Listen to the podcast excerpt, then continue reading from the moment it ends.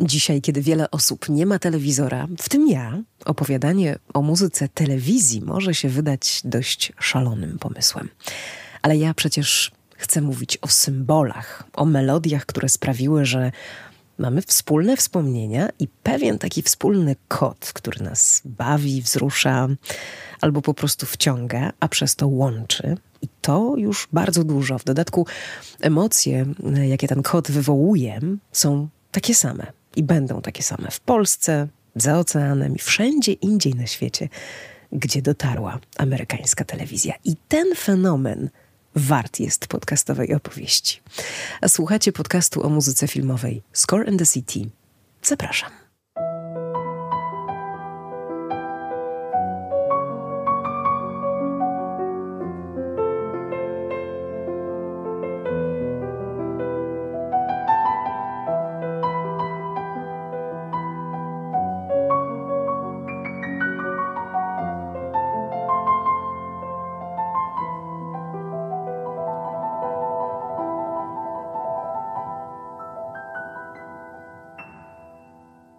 To jest pierwszy odcinek po nagrodzie dla podcastu Score and the City w konkursie Podcast Roku, w konkursie imienia redaktora Janusza Majki. Statuetka stoi dumnie na stole tutaj obok mnie w zasięgu wzroku, a ja wciąż jestem bardzo wzruszona tym, co się stało w Rzeszowie i tym, że jury postanowiło nagrodzić właśnie mm, podcast e, Score and the City. Bardzo, bardzo dziękuję za docenienie mojej pracy. Dziękuję też słuchaczom, bo podcasty się robi dla kogoś, a nie dla siebie. Dziękuję za atmosferę mm, przed konkursem, podczas gali i po gali. Teraz już wiem, że mamy nowych przyjaciół.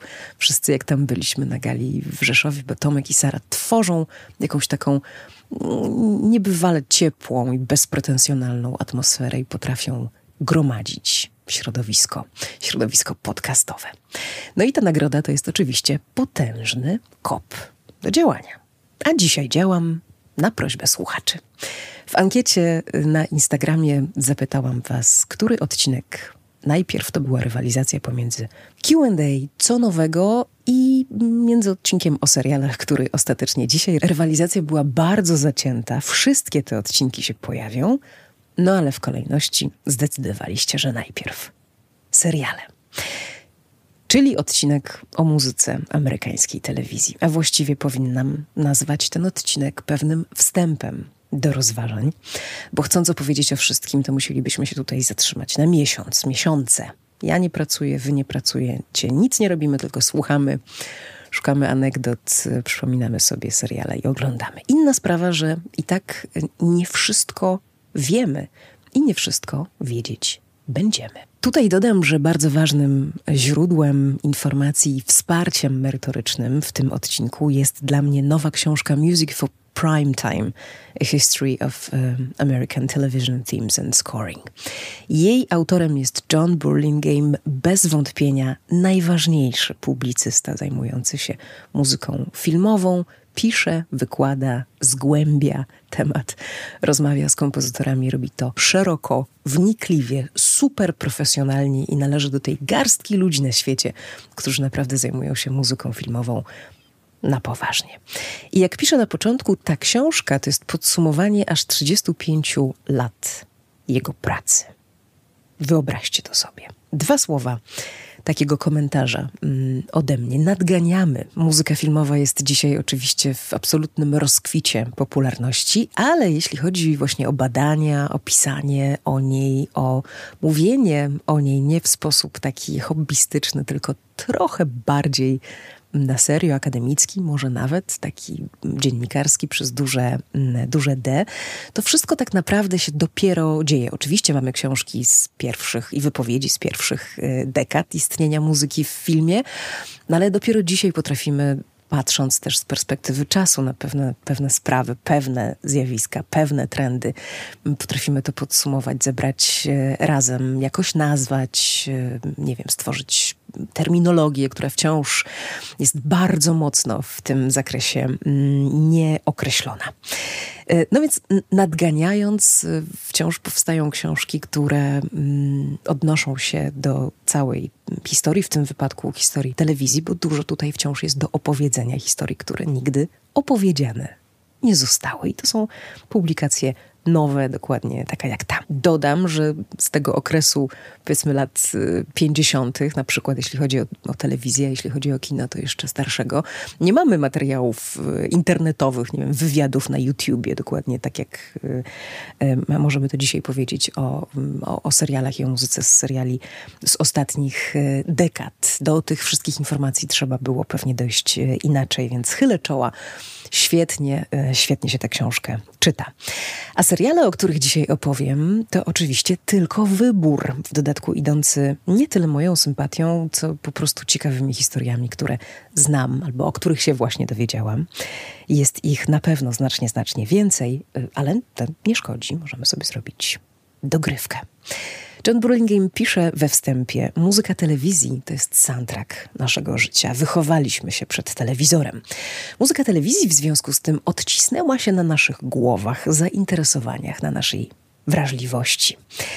Ja to mówię w imieniu e, pokolenia 35 plus i pewnie podobnie mogliby powiedzieć moi dziadkowie, a jeszcze bardziej pradziadkowie, z tą tylko różnicą, że oni w miejsce telewizja wstawiliby słowo radio. Telewizja wzięła się z radia. Wiele pierwszych seriali ma swoje źródło w słuchowiskach. No a z radia do telewizji szło nie tylko historie, ale także twórcy i bardzo często muzyka. Ważne jest też to, że właściwie wszyscy najwięksi kompozytorzy muzyki filmowej, znani dzisiaj, odnieśli swoje pierwsze sukcesy w produkcjach telewizyjnych. Henry Mancini, John Williams, Jerry Goldsmith. Lata 60. i 70. to jest taki specyficzny czas w muzyce filmowej, kiedy następuje trochę odwrót od wielkiej symfonicznej, romantycznej muzyki. W związku z tym kompozytorzy, którzy jakby wykształcili swój język filmowy, muzyczny właśnie na tym stylu, jak Bernard Herrmann, Bronisław Kaper, Alex Nord i inni, idą w stronę telewizji, bo szukają tam dla siebie roboty. Po prostu muzyka kina się wtedy zmieniała. I to kino zdawało się im mówić: Nie potrzebujemy was już, idźcie gdzie indziej. Spróbujmy postawić to trudne pytanie: jaka jest różnica w pracy dla kina i w pracy dla telewizji? Co mogliby odpowiedzieć kompozytorzy? Pewnie mogliby powiedzieć różne rzeczy. Dramaturgicznie. Mm, tych różnic jest y, stosunkowo mało.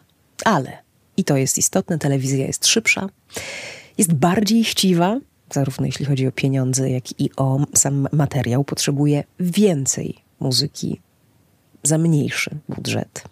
W mniejszym stopniu też na pewno pozwala kompozytorowi zachować indywidualizm. No i tutaj chyba podkreśliłabym to jako tę różnicę hmm, najważniejszą. Tak jak w filmie kompozytor zwłaszcza jeśli dobrze porozumie się z reżyserem, może zachować właściwie artystycznie całego siebie. Tak w serialu jest o to trudno z wielu różnych powodów. Po pierwsze, dlatego, że serial e, ma tych twórców, współtwórców, producentów, współproducentów i masę innych odpowiedzialnych osób po, po prostu bardzo dużo.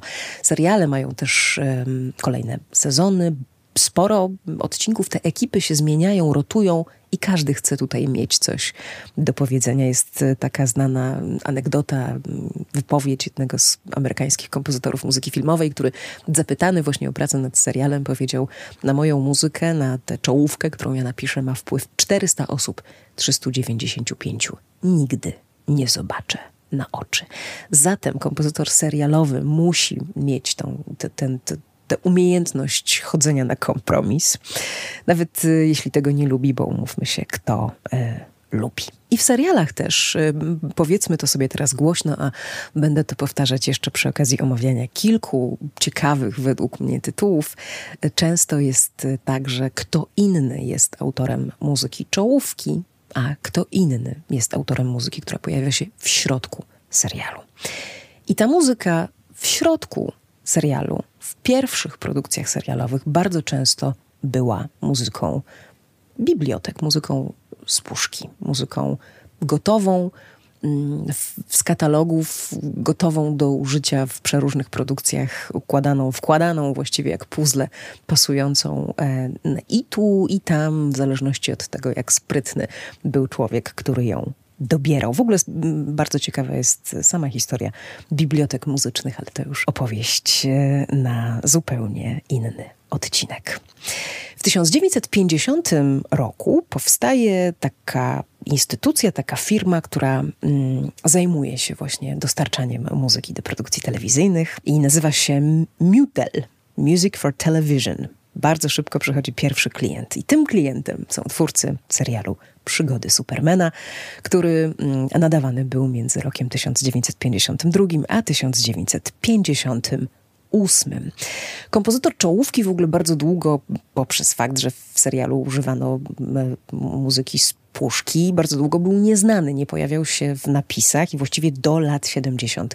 nikt o nim nie słyszał, ale w latach 70. jego nazwisko stało się e, znane i e, dzisiaj już wiemy, że to Leon Klackin jest e, autorem głównego tematu do przygód Supermana. I tu aż korci, żeby sobie porównać to, co on napisał z tym, co napisał w roku 1978 John Williams do Supermana. No a co z tym zrobicie dalej? I jak dalej pójdzie wasza wyobraźnia i chęć przeszukiwania e, zbiorów muzycznych, to już zależy tylko od was. And who, disguised as Clark Kent, mild-mannered reporter for a great metropolitan newspaper, fights a never-ending battle for truth, justice and the American way. Spośród tych pierwszych ważnych serialowych e, amerykańskich tytułów chcę przypomnieć jeszcze jeden, dość przełomowy i w pewnym sensie związany z Polską. A ten tytuł to Medic. Serial nadawany mm, w latach 1954-1956, będący pierwszym takim gatunku medical drama serialem, który opowiadał o losach lekarzy, a przy okazji przedstawiał też medyczne przypadki. Do tego serialu zatrudniony został jako kompozytor po raz pierwszy tak ważny i tak liczący się muzyk. Po raz pierwszy został zatrudniony po to, aby komponował muzykę do każdego z odcinków w cyklu cotygodniowym. W sumie 32 ścieżki, 12 minut każde. I tym kompozytorem był Victor Young. Być może pamiętacie y, tę postać z poprzednich odcinków Score and the City, a jeśli nie, to poszukajcie, bo warto jego historię poznać. To jest y, artysta, który co prawda urodził się w Stanach Zjednoczonych, ale kiedy miał 10 lat, trafił z powrotem pod opiekę dziadków do Polski do Mławy. Spędził 10 lat w Mławie i w Warszawie, gdzie skończył konserwatorium i gdzie debiutował jako skrzypek w Filharmonii Warszawskiej. I dopiero stąd nauczywszy się tutaj, jak twierdził do końca życia, wszystkiego, co najważniejsze w muzyce, wyjechał z powrotem do Stanów Zjednoczonych, by zrobić tam wielką karierę w Hollywood i zasłynąć jako twórca obdarzony przepotężną inwencją melodyczną ta jego umiejętność była wprost legendarna, ale też muzyk e, niesłychanie sprawny, e, bardzo popularny, nagrodzony Oscarem za muzykę do filmów 80 dni dookoła świata. No i cóż, uwielbiany przez jazzmenów po dzisiaj, choć nie wszyscy wiedzą, że grając When I Fall in Love, grają, śpiewają muzykę filmową. I, I piosenkę właśnie Wiktora Younga, ale też wiele, wiele innych piosenek to jego te dzisiaj, e, do dzisiaj standardy. No i na, na koniec e, w serialu Medic Victor Young e, skomponował taki cudny temat, który stał się piosenką Blue Star. Możecie sobie posłuchać mm, tej piosenki jako piosenki. Właśnie jest to melodia z napisów końcowych tego serialu, pokazująca jakim, jakim romantykiem muzycznym Victor Young był.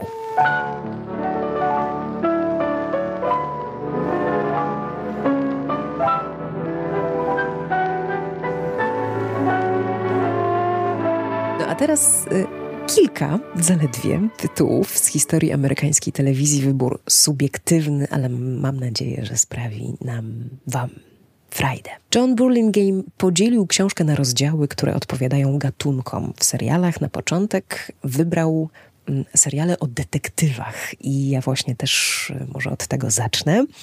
A w tym, e, co będę tutaj mówić, e, korzystam i z tej książki, i z moich własnych badań i tekstów, a także ogromnego researchu, który mm, zrobiłam i wciąż robię na potrzeby książki, która mam nadzieję, w końcu ukaże się w przyszłym roku nakładem polskiego wydawnictwa muzycznego, a która, i chyba mówię to publicznie po raz pierwszy, która będzie przewodnikiem po muzyce filmowej. Będzie miała dużo rozdziałów i dużo stron, i myślę, że warto będzie ją mieć.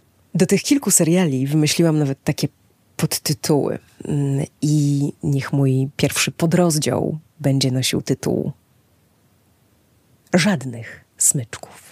I to jest opowieść poświęcona serialowi, który nazywa się Peter Gunn. To są lata 1958-1961. Serial jak najbardziej szpiegowsko-detektywistyczny z wątkami sensacyjnymi, ale ja nie o tym, ja się skupię na twórcach, mm, a mm, twórcą tego serialu był Blake Edwards. Znakomity amerykański e, reżyser, który w parze z Henrym Mancinim właściwie dał się zapamiętać na zawsze dzięki takim filmom jak Różowa Pantera czy Śniadanie u Tiffany'ego. Zanim te filmy nastały, to panowie spotkali się mm, przed serialem Peter Gunn jedynie od czasu do czasu ze sobą współpracując i wpadli na siebie u fryzjera.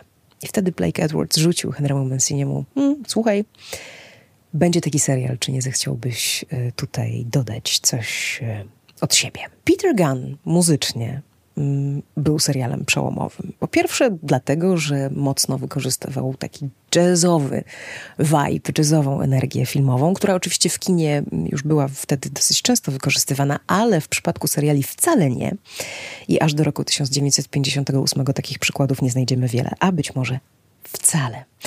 Ale był to też serial przełomowy, dlatego że kiedy sobie posłuchamy tego wszystkiego, co tam się dzieje, no to prowadzi nas to w w pewne znane strony. Piano, gitara, dosyć złowrogie, takie brzmienia bardzo charakterystyczna, linia basu, znajoma, energia, no i polecenie. E, właściwie polecenie, które Henry Mancini wydał sobie sam.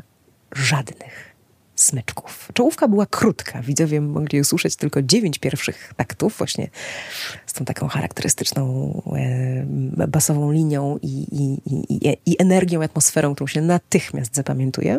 I cztery ostatnie. I w ten sposób, dzięki serialowi Peter Gunn, nieznany Mancini stał się znany, aby później zrobić z Blake'em Edwardsem takie filmy jak Śniadanie u Tiffany'ego, Różową Panterę, wiele innych, no i też zaprzyjaźnić się e, z nim na śmierć i na życie.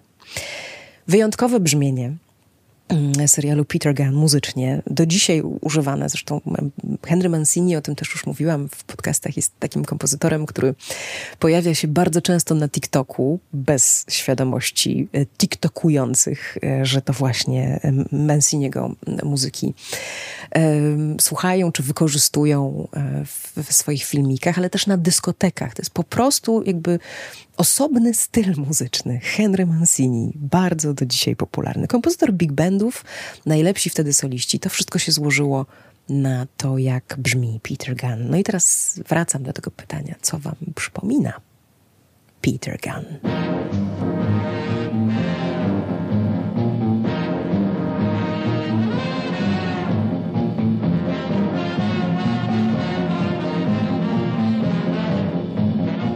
Wszystkie skojarzenia z Jamesem Bondem są jak najbardziej słuszne. Dlatego, że to właśnie Peter Gunn był jedną z dwóch najważniejszych referencji, jakie otrzymał John Barry, przystępujący do aranżacji, mm, do mm, wykonania później także muzyki Montiego Normana, do pierwszej filmowej części przygód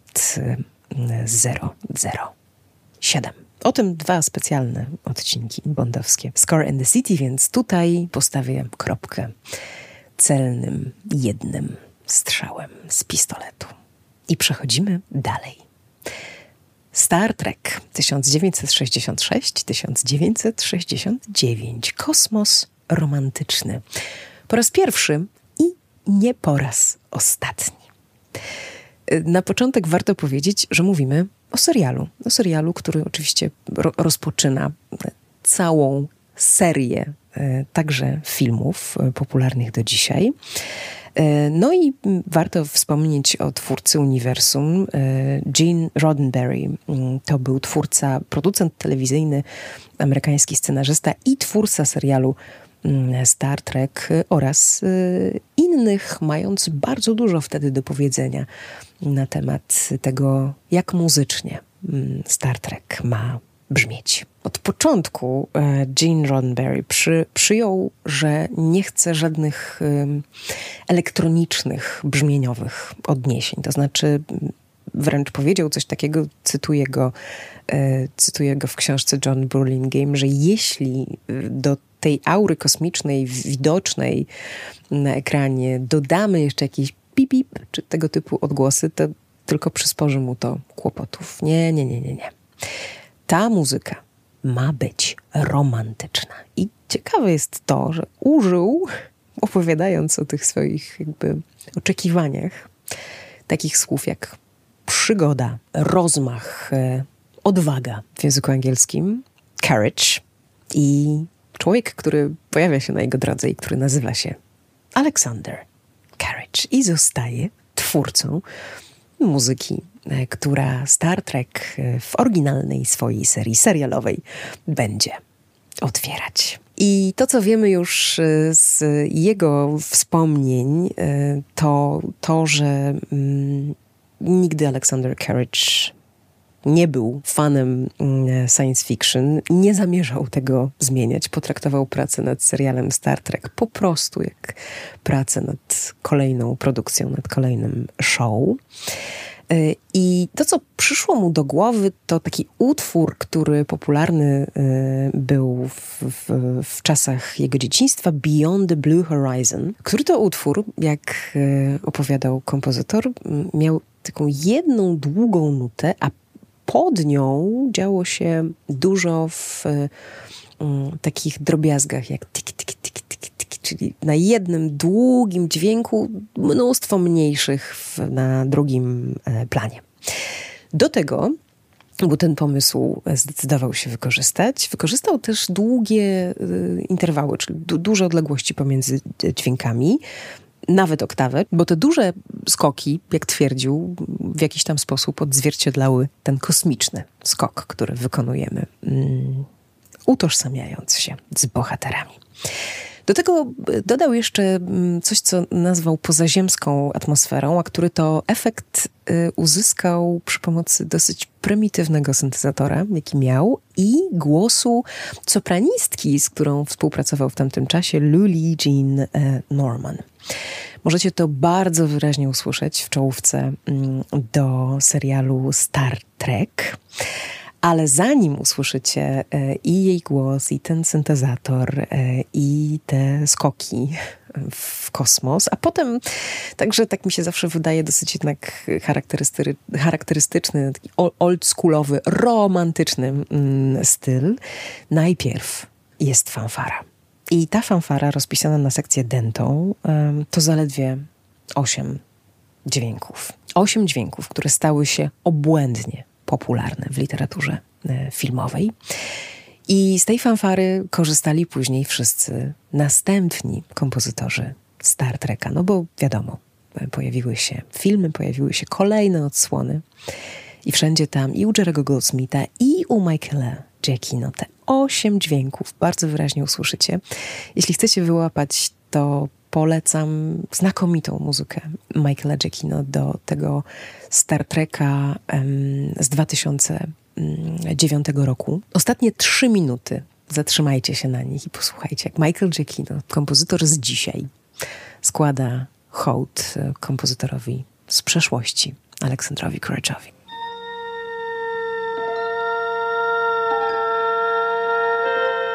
Space, final frontier.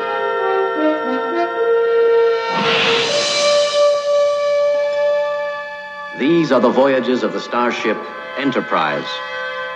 Its five-year mission to explore strange new worlds, to seek out new life and new civilizations. Tytuł następny to Mission Impossible i podtytuł wszystko jest możliwe. Lata 1966-1973 i tutaj znowu mamy do czynienia z serialem, który jakby rozpoczyna wielką sławę tego tytułu, sławę już dzisiaj wiemy także z dużego ekranu. Dwa słowa o kompozytorze. Jest nim Lalo Schifrin, twórca, którego jeszcze wciąż mamy tutaj na świecie, nagrodzony honorowym Oscarem w roku 2019. Niezwykły e, argentyński kompozytor. Rocznik 1932, ten sam rocznik co John Williams, Wojciech Kilar i wielu innych znakomitych twórców muzyki filmowej. Rocznik, który nigdy się już w historii nie powtórzy. E, Lalo Schifrin e, to człowiek muzycznego eklektyzmu. Bardzo mocno mm, z jednej strony mm, zakorzeniony w jazzie, z drugiej strony wszechstronnie wykształcony, korzystający e, także z, z muzyki południa i zdaje się, że wymieszał to wszystko we wszystkim, czego dotknął. A Mission Impossible to bez wątpienia najsłynniejsze jego dzieło. Jeśli chodzi o ten serial szpiegowski, pokazujący pracę yy, no, agentów specjalnych, to Lalo Schifrin dostał za zadanie skomponowanie właściwie motywu dla każdego z bohaterów i uznał to zadanie za, za kompletnie bezsensowne.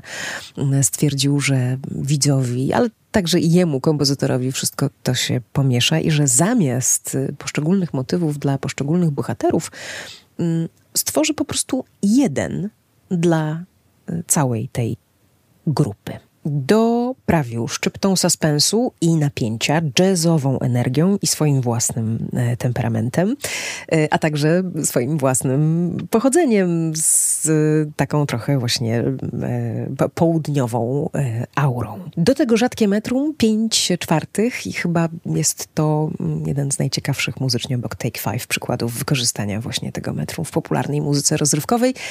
Zresztą tutaj jakby w wpędził się w kłopoty Lalo Schifrin, bo mm, całe życie pytano go, dlaczego właśnie takie metrum i całe życie musi się z tego tłumaczyć.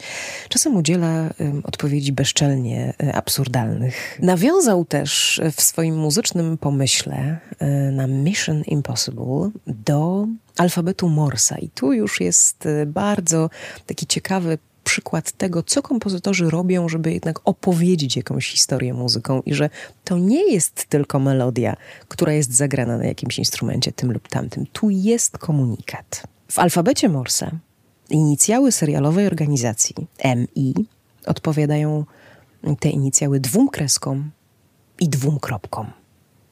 Spróbujmy to sobie teraz y, wypowiedzieć, wyśpiewać. Długi, długi, krótki, krótki. Tam, tam, tam, tam, tam, tam, tam, tam. No, jak nic. Mission Impossible. Wszystko jest możliwe. I teraz robię skok w stronę kina animowanego. E, muszę taki skok zrobić, choć oczywiście tutaj to w ogóle na pewno osobny odcinek by się e, przydał. Mm, a ten, ten podrozdział nazwę Hanna-Barbera i kto za nimi stoi. A teraz przyznajcie się, kto jak ja w dzieciństwie myślał, że Hanna-Barbera to jest pewna pani z Ameryki, która wymyśla dla nas filmy animowane. Ręka w górę. No, ja tak myślałam.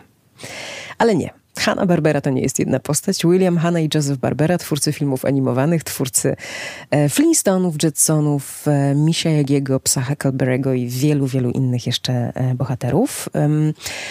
Ale do nich trzeba dodać jeszcze kompozytora, bez którego właściwie ta dwójka nie mogłaby odnieść tak spektakularnej popularności. Hoyt Curtin mm, to był kompozytor, który właściwie jakby w tym takim łańcuchu e, twórczo-filmowym w, w Hollywood gdzieś był na, na, na samym początku. Znaczy tworzył muzykę do reklam, do jakichś takich materiałów wtedy jeszcze nie liczących się tak mocno jak filmy i seriale i miał szczęście, że napisał muzykę do reklamy piwa w roku 1957 i że twórcami tej reklamy byli właśnie William Hanna i Joseph Barbera. W ten sposób go znaleźli. Uwaga, podobno Hanna Barbera, Hanna, Hanna i Barbera, yy, dzwonili nawet razem na jednej linii. I kiedy zadzwonili do, do, do, do, do Cartina i poprosili go o muzykę serialową po, po raz pierwszy, to on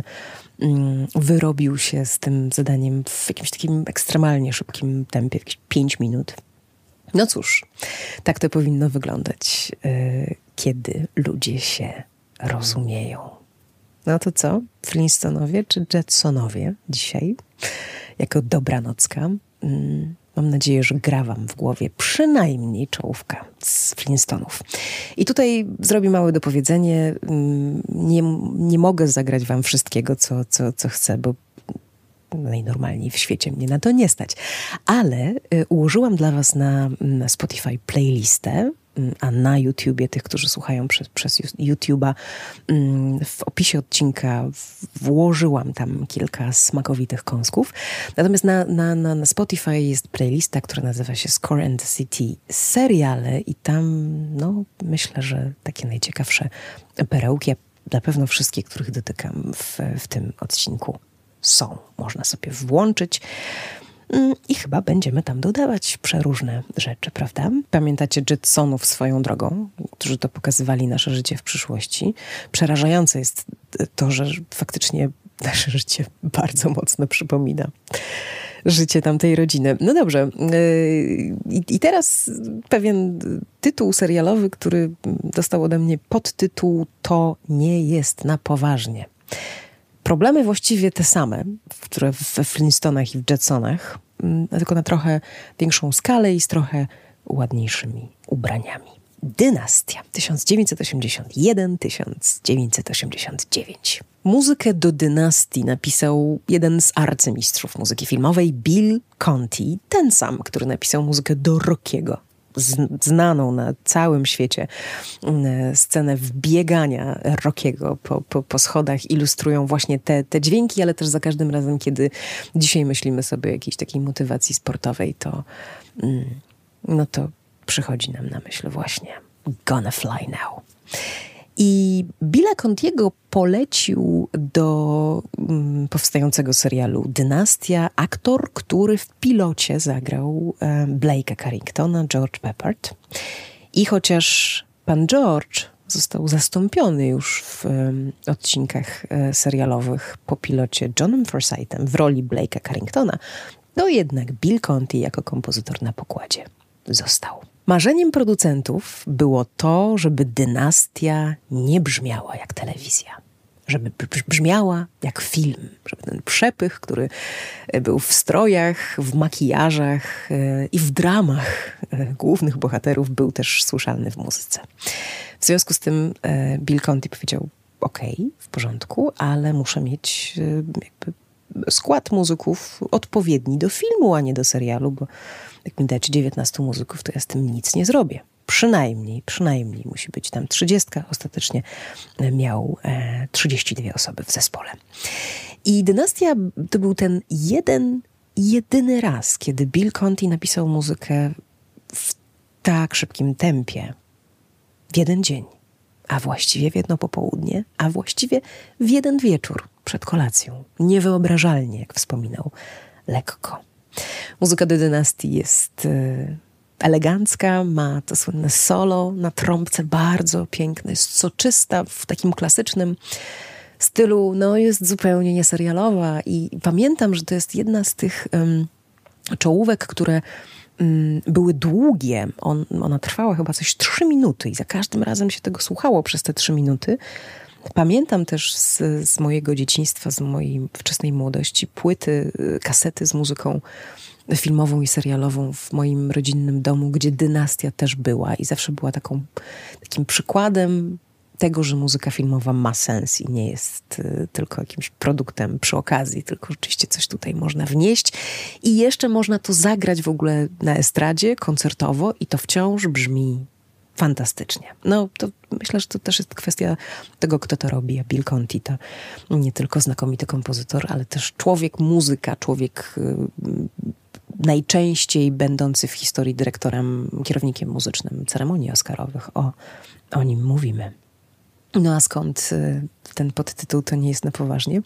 Bo mi się przypomniał odcinek y, podcastu Michała Oleszczyka, Spoilermaster. W jednym z tych y, odcinków Michał przygląda się, przysłuchuje temu, co się działo w, w kinie i w telewizji w latach 90., u, u nas w latach 80., w Stanach i właśnie wskazuje bardzo wyraźnie na to, że, że dynastia Ameryce u nas nie było to tak odbierane. Myśmy jakoś śmiertelnie poważnie do tego podchodzili, a za oceanem to jednak e, było z, z pewną taką ironią i z pewnym przymrużeniem oka. Nie było to na poważnie. Zupełnie przeciwnie niż muzyka, bo muzyka zawsze jest na poważnie, e, a przynajmniej na poważnie robiona.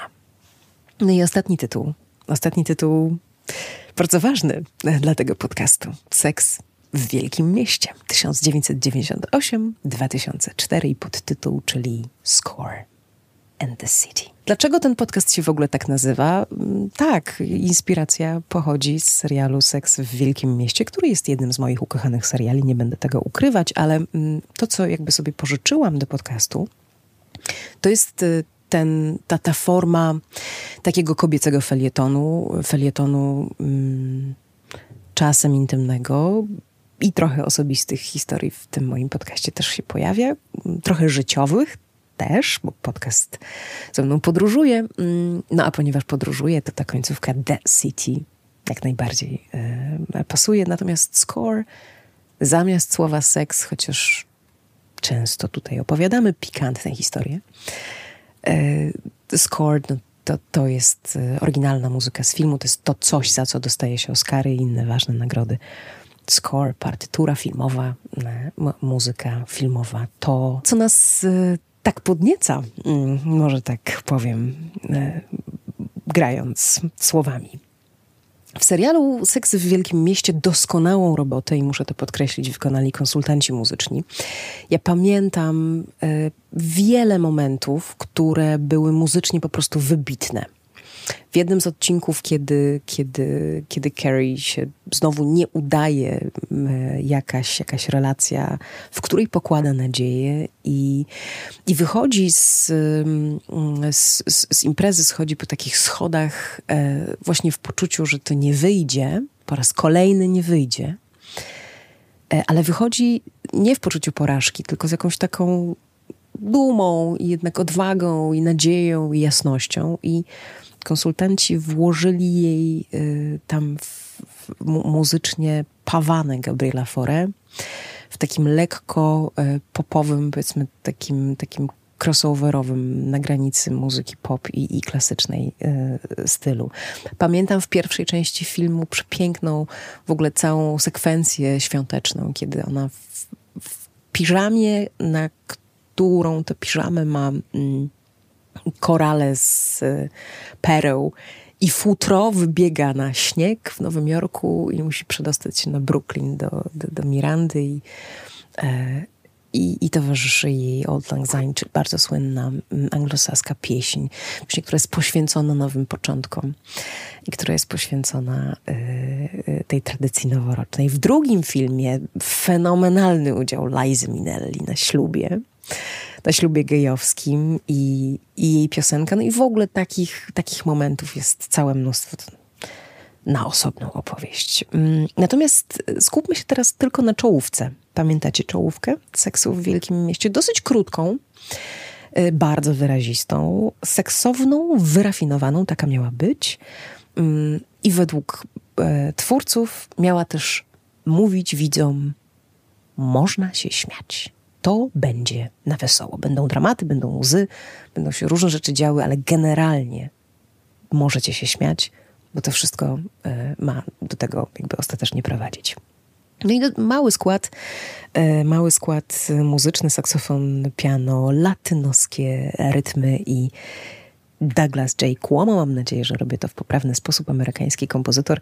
Rocznik 1958, y, chwalony przez New Yorkera za czołówkę do seksu w wielkim mieście, y, która, y, jak stwierdzono, jest zupełnie wyjątkowa. I jest jedną z tych czołówek idealnych, z tych czołówek, które są trochę jakby budzikiem, alarmem, które mówią e, w telewizji leci właśnie za przeproszeniem twój ukochany serial. E, biegnij przed ekran, e, żeby zobaczyć kolejny odcinek. No, tyle, że ta refleksja jest trochę w dzisiejszych czasach już nieaktualna, bo kto jeszcze ogląda seriale? Przed telewizorem, czekając na kolejny odcinek. Cały tydzień? Prawie już nikt.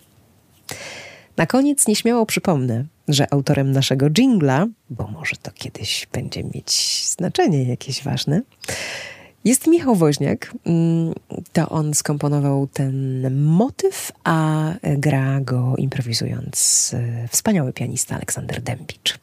Fragmenty muzyczne użyte dzisiaj pochodzą ze zwiastunów, trailerów lub materiałów w wolnym dostępie w sieci. Wszystkie pozostałe znajdziecie w playliście na Spotify, która nazywa się Score the City Seriale. E, no a seriale, muzyka amerykańskiej telewizji ten odcinek. To jest tylko wstęp. Jeśli chcecie więcej, to no, chociażby na Spotify, ale też w komentarzach na YouTubie, bardzo proszę powiedzcie, o czym chcecie usłyszeć, który serial muzycznie tak mocno przykuwa Waszą uwagę. Może być też serial e, z tak zwanych nowych mediów dzisiaj, czyli z platform. E, który Was interesuje, to ja postaram się e, temu przyjrzeć, przysłuchać i zrobić e, dogrywkę, może nawet potem jeszcze jedną, a potem jeszcze jedną. Podcast Score in the City można wesprzeć, jeśli się Wam podoba słowem i uczynkiem. Słowem, no to oczywiście najlepiej w mediach społecznościowych, dzieląc się nim z innymi, komentując, y, mówiąc y, innym, że to warte słuchania, a uczynkiem, y, no to nie wiem, można postawić mi kawę. Link do Bajkofitu znajdziecie w opisie odcinka. Uczynkiem jest też subskrypcja, ocenienie podcastu wystawienie recenzji. Bardzo będę za to wdzięczna. I bardzo dziękuję. Słyszymy się w kolejnym odcinku.